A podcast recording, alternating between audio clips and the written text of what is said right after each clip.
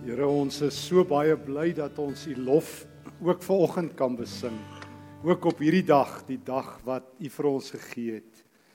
Baie dankie Here dat daar nuwe suurstof in ons harte in ons lewe is en dankie dat dit U is.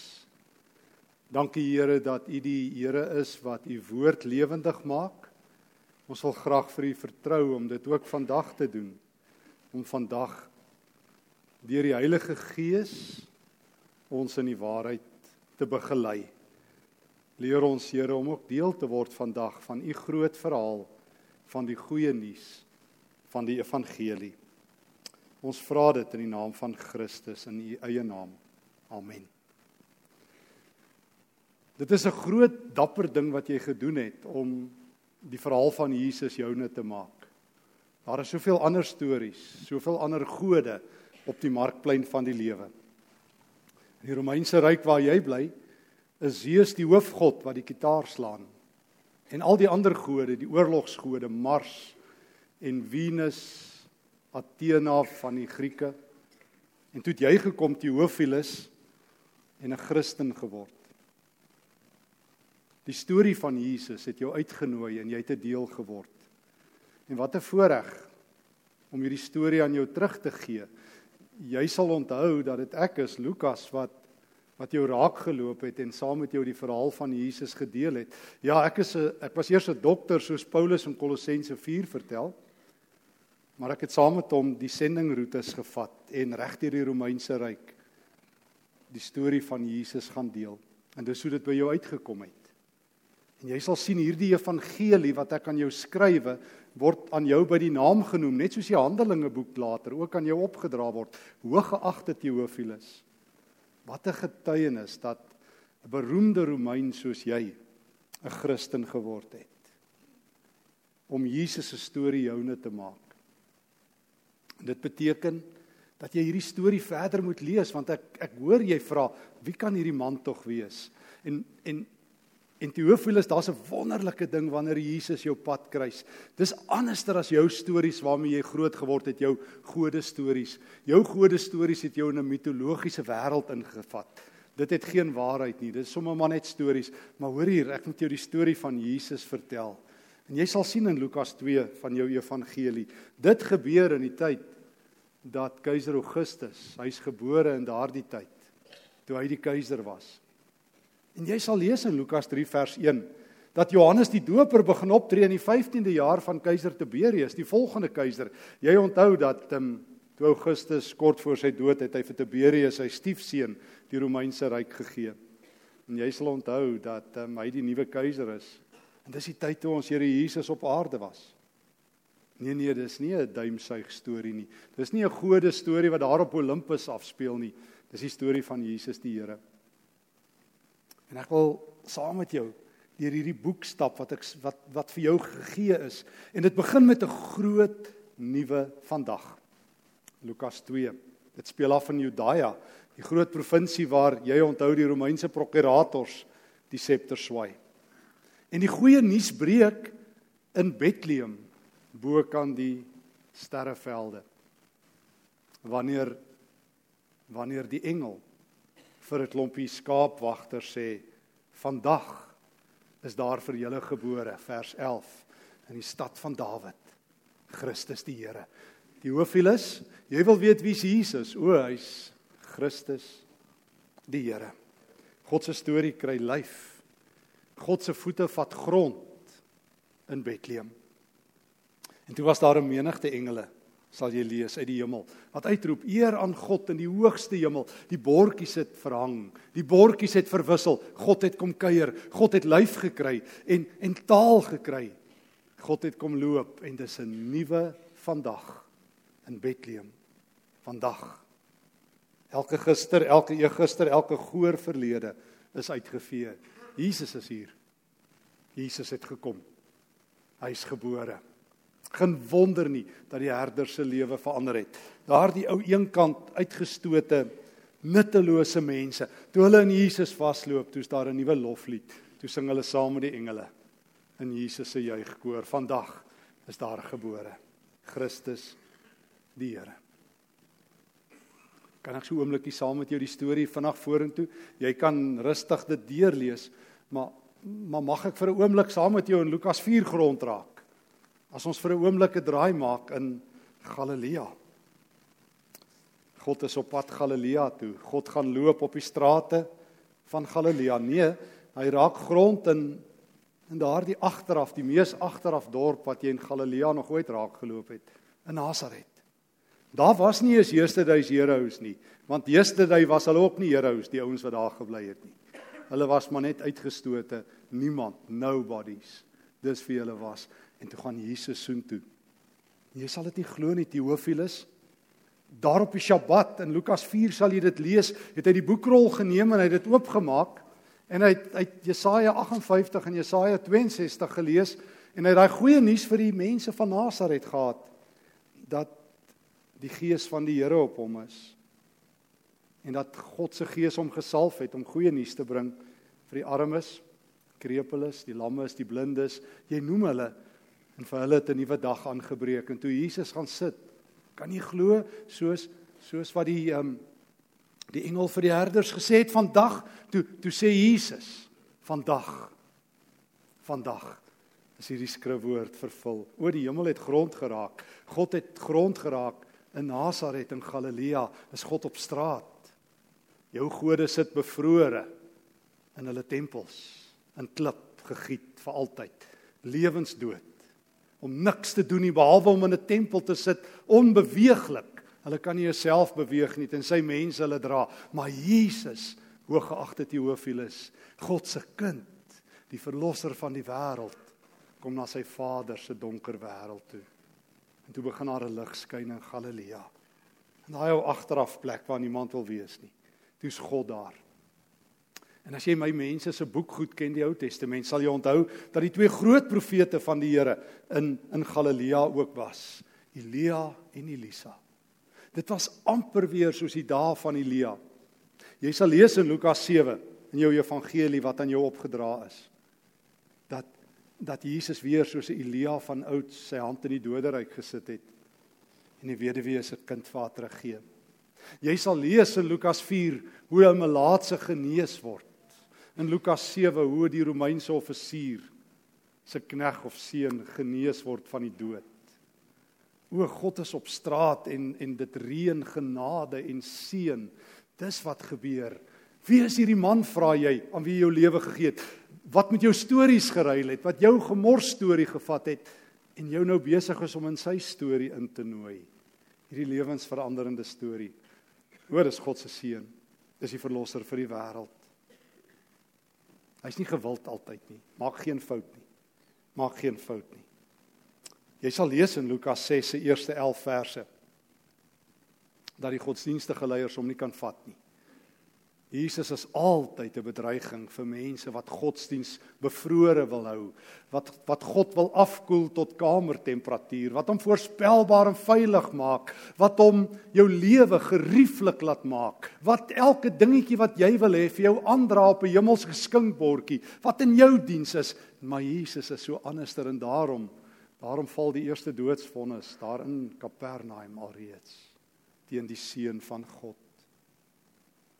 Maar jy sal agterkom soos jy deur hierdie boek wat aan jou opgedra is blaai en jy hierdie man leer ken en hy jou ook beter inlei in sy verhaal dat Jesus 'n hart het vir individue. Kan ek vir jou een storie vertel wat jy sal lees daar in Lukas 7 vers 36 tot 50. Jy moet dit lees. Jesus gaan kuier op 'n dag word hy genooi na ete toe van Simon die Fariseer. En soos dat hy daar aan die tafel sit, en net die man saam eet want dis 'n Joodse gebruik net die manne bars die vrou in. Die vrou wat die beroep het waaroor mense nie in goeie geselskap praat nie. Die vrou wat haar lyf verkoop. Die vrou wat ook haar lyf adverteer met haar los hare. In ons tradisie en die Joodse tradisie het vrouens altyd sluiers gedra maar maar maar hierdie sekswerkers het maar hulle hare losgedra. Dit was 'n advertensiebord en sy hardloop na Jesus toe en daar val haar hele lewe in stukke. Sy speel maar agter die doodlyn. Die Israeliese godsdiens het vir haar geen hoop gehad nie.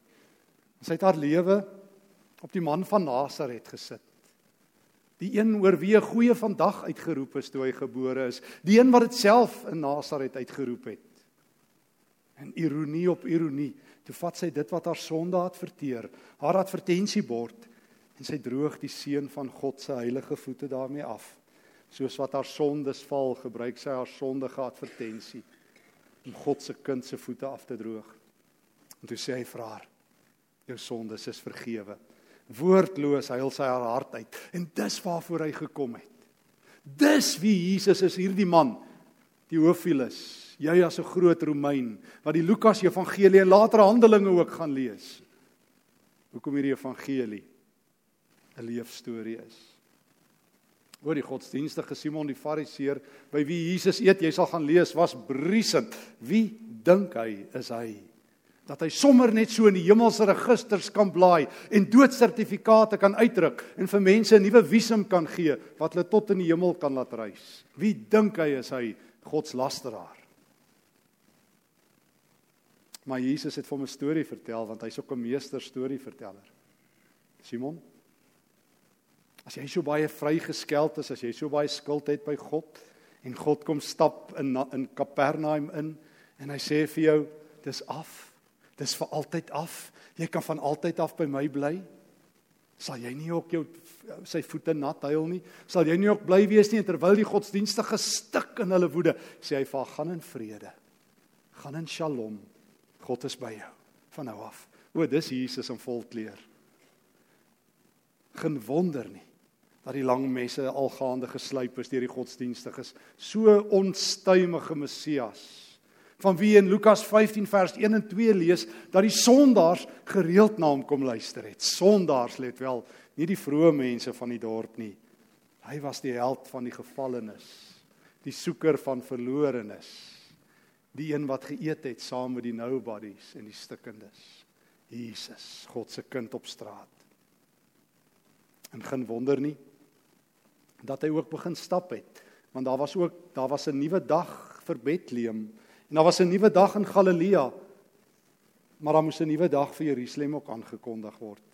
En jy sal lees hoe geagte Theophilus dat Jesus reis, dat hy loop. Vanaf Lukas 9 vers 51 tot by hoofstuk 19 sal jy agterkom nooi hy jou om saam met hom te stap.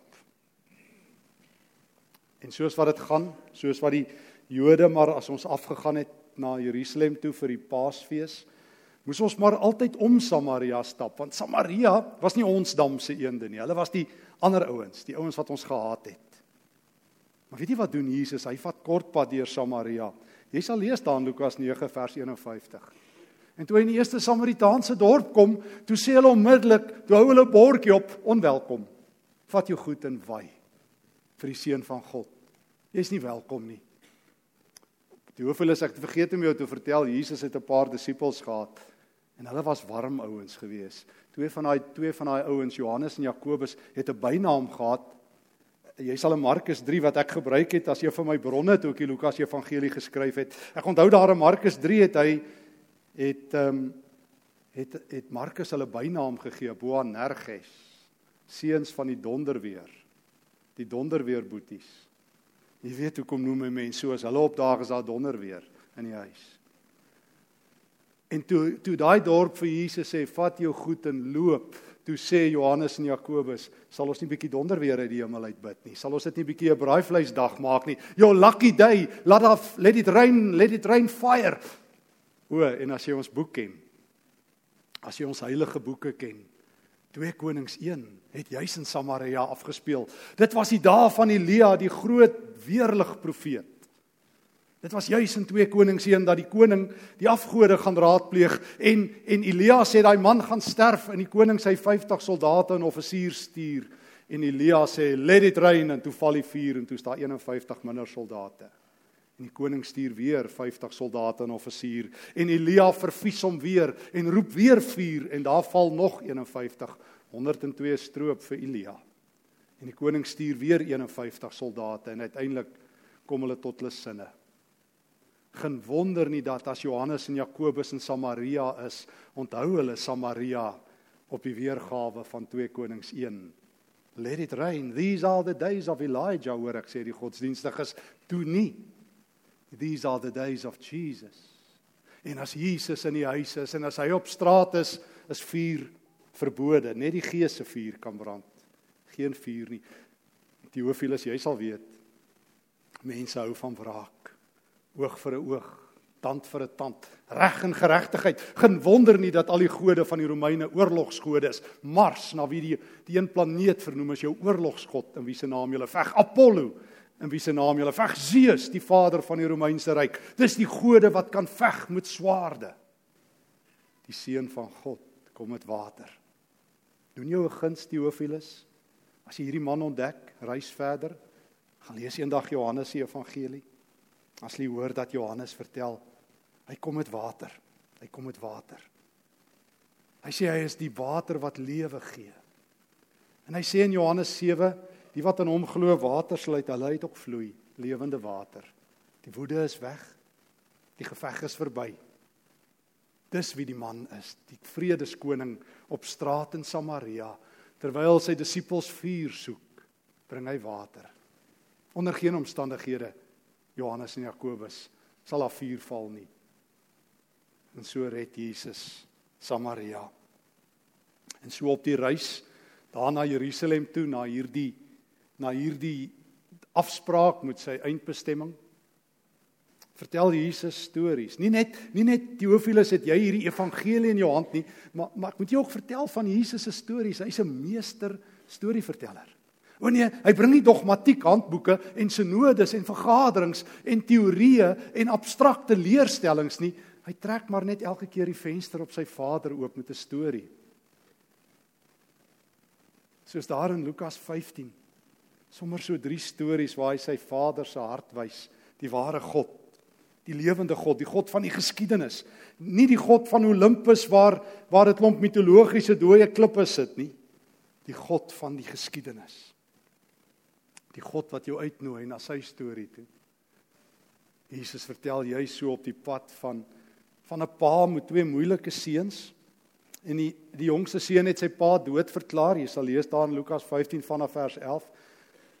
Hy het 'n ver land gaan bly en dit kom ons maar sleg met ons Jode as ons varke se kos moet eet. En toe hy varke se kos geëet en teruggegaan na sy pa. En toe sy pa hom sien so van ver af. Toe hardloop hy na hom toe. En Jesus sê dis my vader. Hy het 'n hart wat lek. Hy het 'n hart wat lek en dit lek liefde en toe hardloop hy na daai kind en hy omhels hom. En hy soen hom terug. Hy soen hom terug in die koninkryk. Dis God. Nee, nie met 'n rothang nie.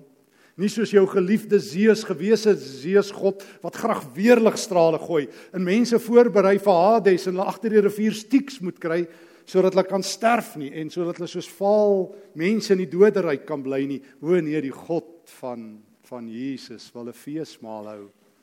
As hy jou raakloop en jou inloop, skryf hy jou nie af nie, dan skryf hy jou op. Dan skryf hy jou op vir 'n fees en dan slag hy die gemeste kalf en hy sit vir jou 'n ring aan want sy kind wat weg was is weer tuis.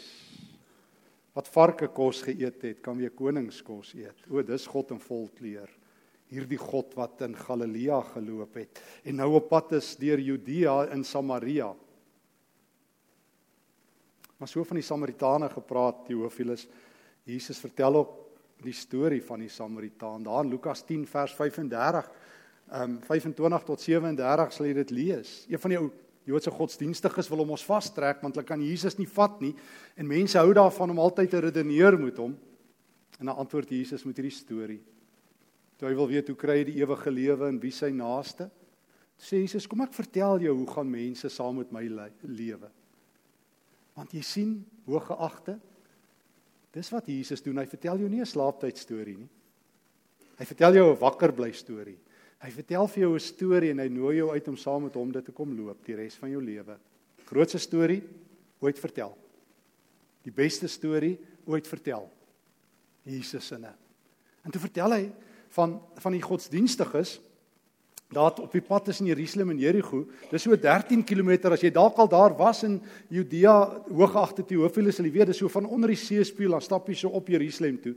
En die priester en die leviet moes gaan diens doen seker of hulle was op pad terug van Jerusalem af, maak nie saak nie, en hulle godsdiens isoleer hulle. Jy sien Joodse godsdiens is so dat jy nie aan onrein mense kan vat nie. Jy kan maar net vir hulle kyk, maar jy mag nie aan hulle raak nie. Hulle godsdiens isoleer hulle van hulp aan ander mense wat nie soos hulle is nie. Soort soek soort, heilig soek heilig, onheilig nie welkom nie. Eers as hulle soos ek is. En toe vertel Jesus van hierdie Samaritaan nadat die dorp hom weggejaag het en Jesus geen bitterheid het nie. Stap hy na hierdie vertel hy van hierdie Samaritaan wat sien hoe lê 'n man daar onder die rowers nadat die priester en die leviet verbygestap het. En toe breek die Samaritaan se hart. En toe stap hy oor die straat en hy maak toe sy hande vuil met daai man se bloed en sy seer. En hy tel hom op sy op sy rydier en hy gee vir hom van sy wyn en sy olie. En mens doen dit mos nou nie. Jy sal weet as 'n Romein wat baie reis jy deel nooit jou water nie. Jy deel dit nooit. Val nie in die woestyn nie. Maar dis wat gebeur wanneer jy saam met Jesus loop. Jy wonder Teofilus wie's hierdie man? Hm. dis Jesus wat 'n nuwe dag vir Bethlehem laat aanbreek het. 'n nuwe dag in Nasaret laat val het wat op straat is. En as jy saam met hom loop dan loop jy aan die ander kant van die pad Dan loop jy in die stikkende kant van die pad. Dan loop jy in die onseker kant van die pad. Maar dan weet jy dis die regte kant. En so het hy gestap en by Jerusalem aangekom. En toe gebeur daar 'n vandag vir Jerusalem. Jy sal daarvan lees in Lukas 19. Jy sal hoor hoe Jesus daar by die hekke van Jerusalem kom staan. God se kind, daag by God se stad aan. O, ons mense, die Israeliete het gesê God bly in Jerusalem. Dis sy hoofkwartier op aarde. Dis headquarters. En nou daag Jesus die verlosser vir die wêreld op. Wat se vandag breek vir Jerusalem aan? Die skare het geweet hier's iets aan die gebeur. Hulle het palmtakke voor hom uitgegooi. Hulle het uitgeroep, sal jy lees in vers 38, daai Psalm 118, loof die koning. Hier kom die vredesvors Jerusalem toe en die godsdienstiges het gesê, julle is verkeerd. Profeet maak stil jou mense. Laat hulle stil bly. En Jesus het gesê die klippe sal waaragtig uitroep as hulle stil bly. Jy kan nie God se stem muilband nie, nie in Jerusalem nie. Maar toe die slegte nuus. Toe die slegte nuus. Vers 41 toe hy by die stad kom het Jesus gehuil.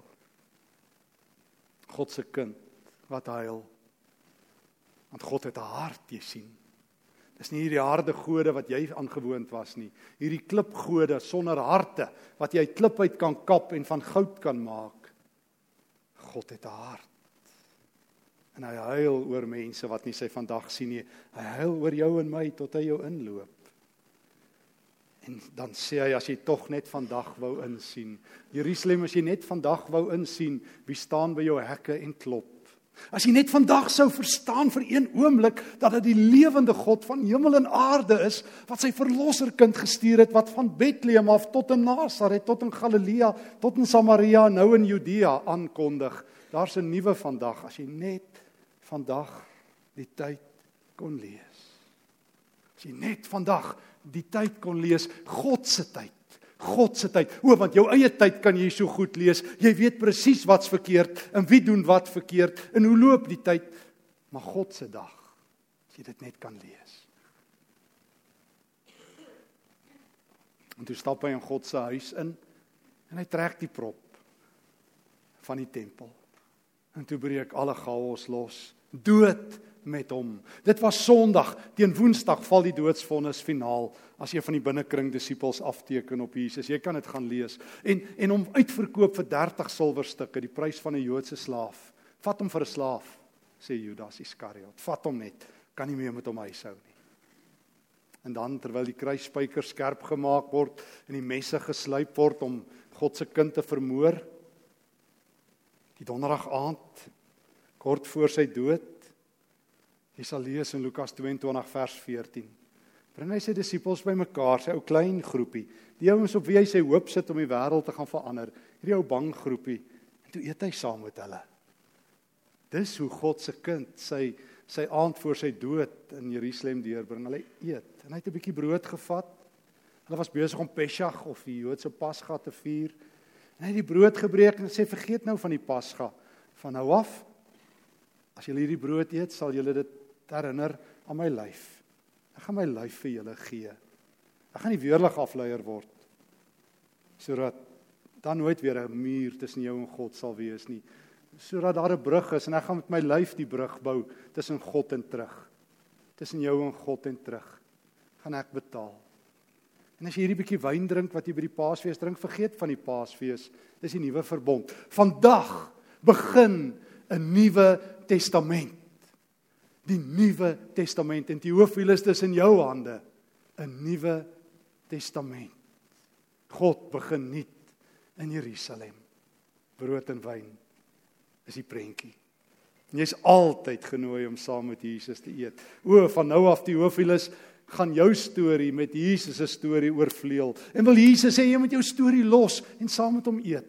En saam met hom in Bethlehem wees en saam met hom in Nasaret in die sinagoge sit en saam met hom op straat wees op pad Jerusalem toe en saam met hom in Jerusalem hoor. En 'n paar ure later te verkoop hulle uit op Jesus.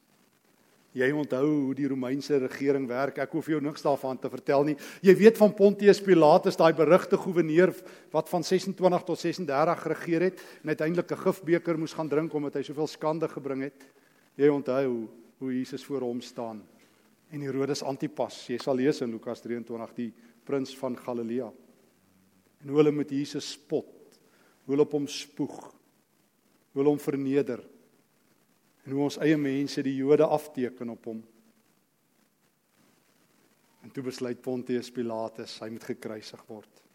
En ek weet jy as 'n Romein verstaan baie goed wat se kruis. Jy ken die filosowe, jy's 'n geleerde man. Jy onthou Cicero, die groot regsgeleerde wat gesê het die woord kruisiging mag nie eens in 'n Romeinse ore genoem word nie. So skandelik is dit. So ek weet dit grief jou om te hoor die God wie jy ken hang aan 'n kruis in Jerusalem. Sit nie op Olympus op sy dooie houtstoel. Sit nie in 'n tempel in Athene en kyk blind oor 'n stad wat hulle nie kan sien nie. Is nie die hoofgod op die eiland in een van die sewe wonders van die wêreld nie. God is in Jerusalem aan 'n houtkruis. Die seun van God sterf Ja ja, gaan lees, gaan lees by my mentor Paulus. Hy skryf in 1 Korintiërs 1: Die kruis is dwaasheid vir die Grieke en onsin vir die Jode. Dit maak geniks sin nie, maar dis die dag dat die revolusie begin. As jy daardie oggend op 7 April in die jaar 30 in Jerusalem was en ek Lukas sou langs jou gestaan het op daai dag en ek sou vir jou gesê het hier verander die wêreld sou jy vir my uitgelag het. Want jy onthou die ander filosoof van jou keiser? Jy onthou vir Nero wat nou keiser is? En jy onthou sy hoffilosoof Seneca wat sê dis die wreedste dood wat 'n mens op aarde kan sterf, die mees makabere, siekste, wreedste, groteske dood wat jy iemand kan toewens en op uh, op iemand sit, is 'n kruis. Verskriklik. Maar dis God Dis waar God sal wees. So ver sal God afklim om tot by jou te klim in jou gemors. En terwyl hy daar hang en almal met hom spot, sal jy sien in Lukas 23 vers 34 dat terwyl die beledigingsreën en die bloed uit hom uitloop, sê hy: "Vader, vergeef hulle.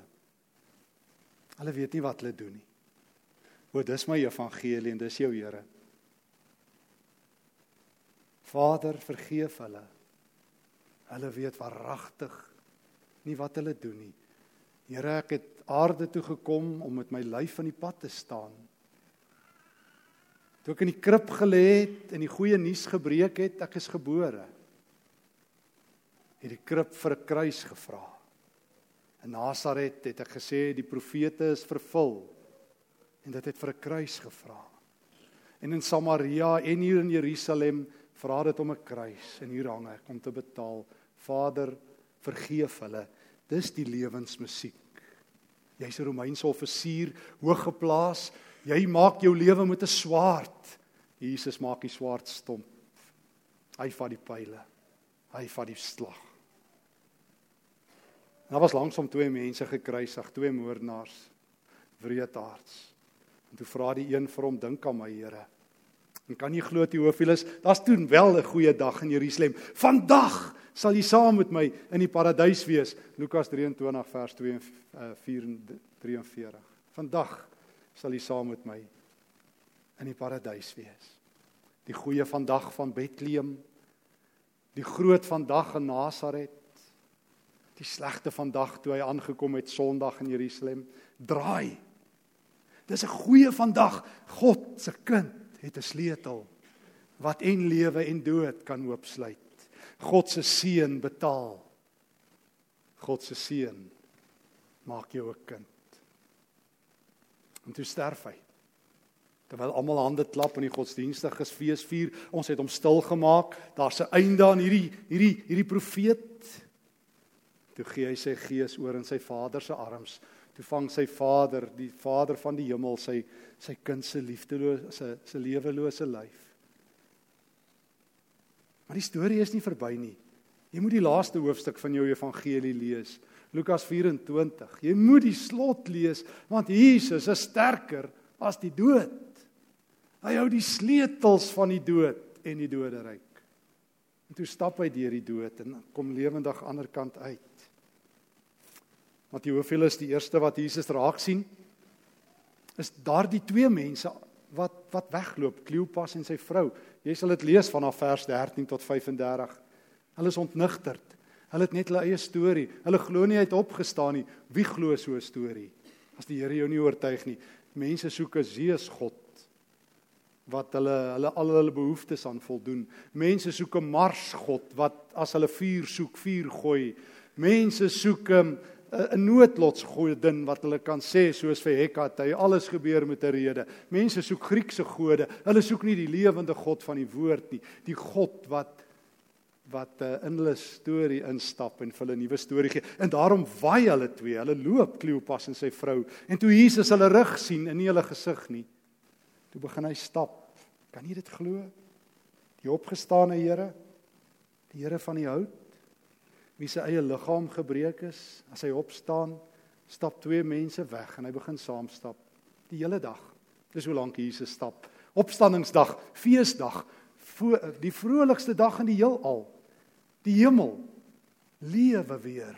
Christus is uit die dood, triomfator. En hy's op pad, op straat in Judea saam met twee mense wat hom nie herken nie.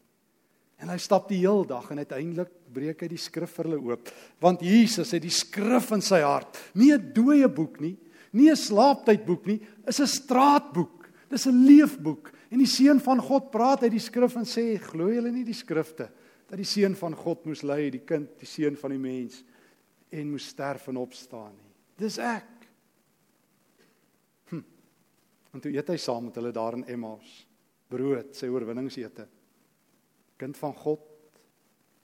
Die een wat donderdag nag voor sy dood brood gebreek het, breek weer brood aan die ander kant. Jy sien, Jesus is nou 'n reis voor. He's a journey ahead.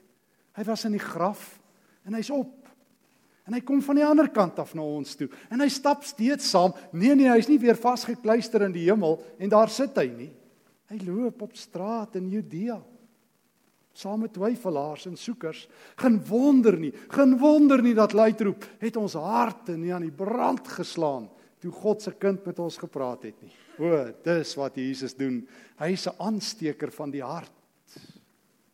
Wanneer Jesus saam met jou loop, vat jou hart vlam.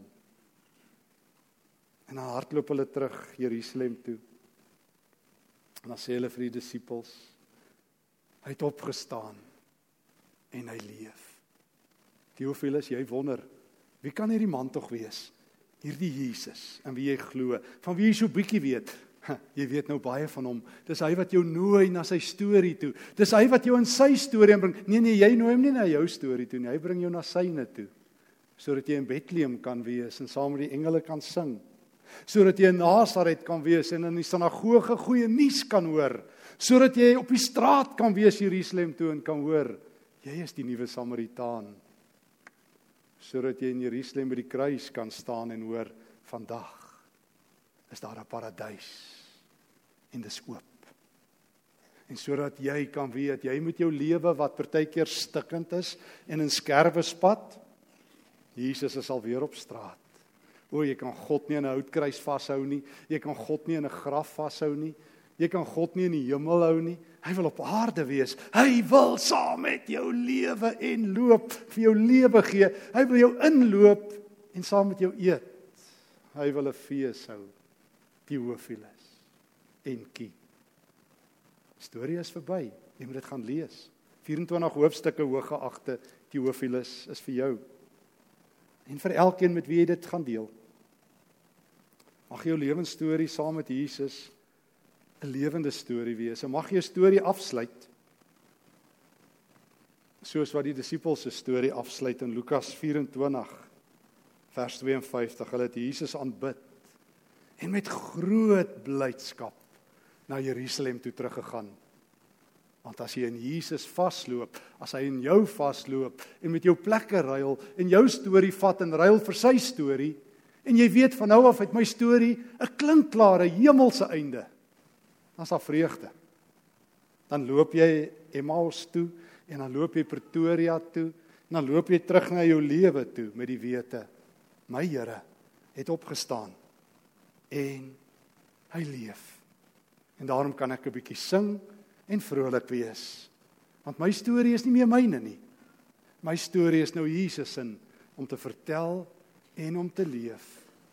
In my lewe is daar 'n nuwe vandag. Ek kan saam met die engele sing vandag is daar ook vir my gebore in die stad van Dawid Christus die Here. En hier is die dood en die doderyk sal 'n einde bring aan hierdie storie nie want Christus leef en ek ek leef saam met hom. Amen. Here baie dankie. Dankie dat ons saam met Lukas kon reis.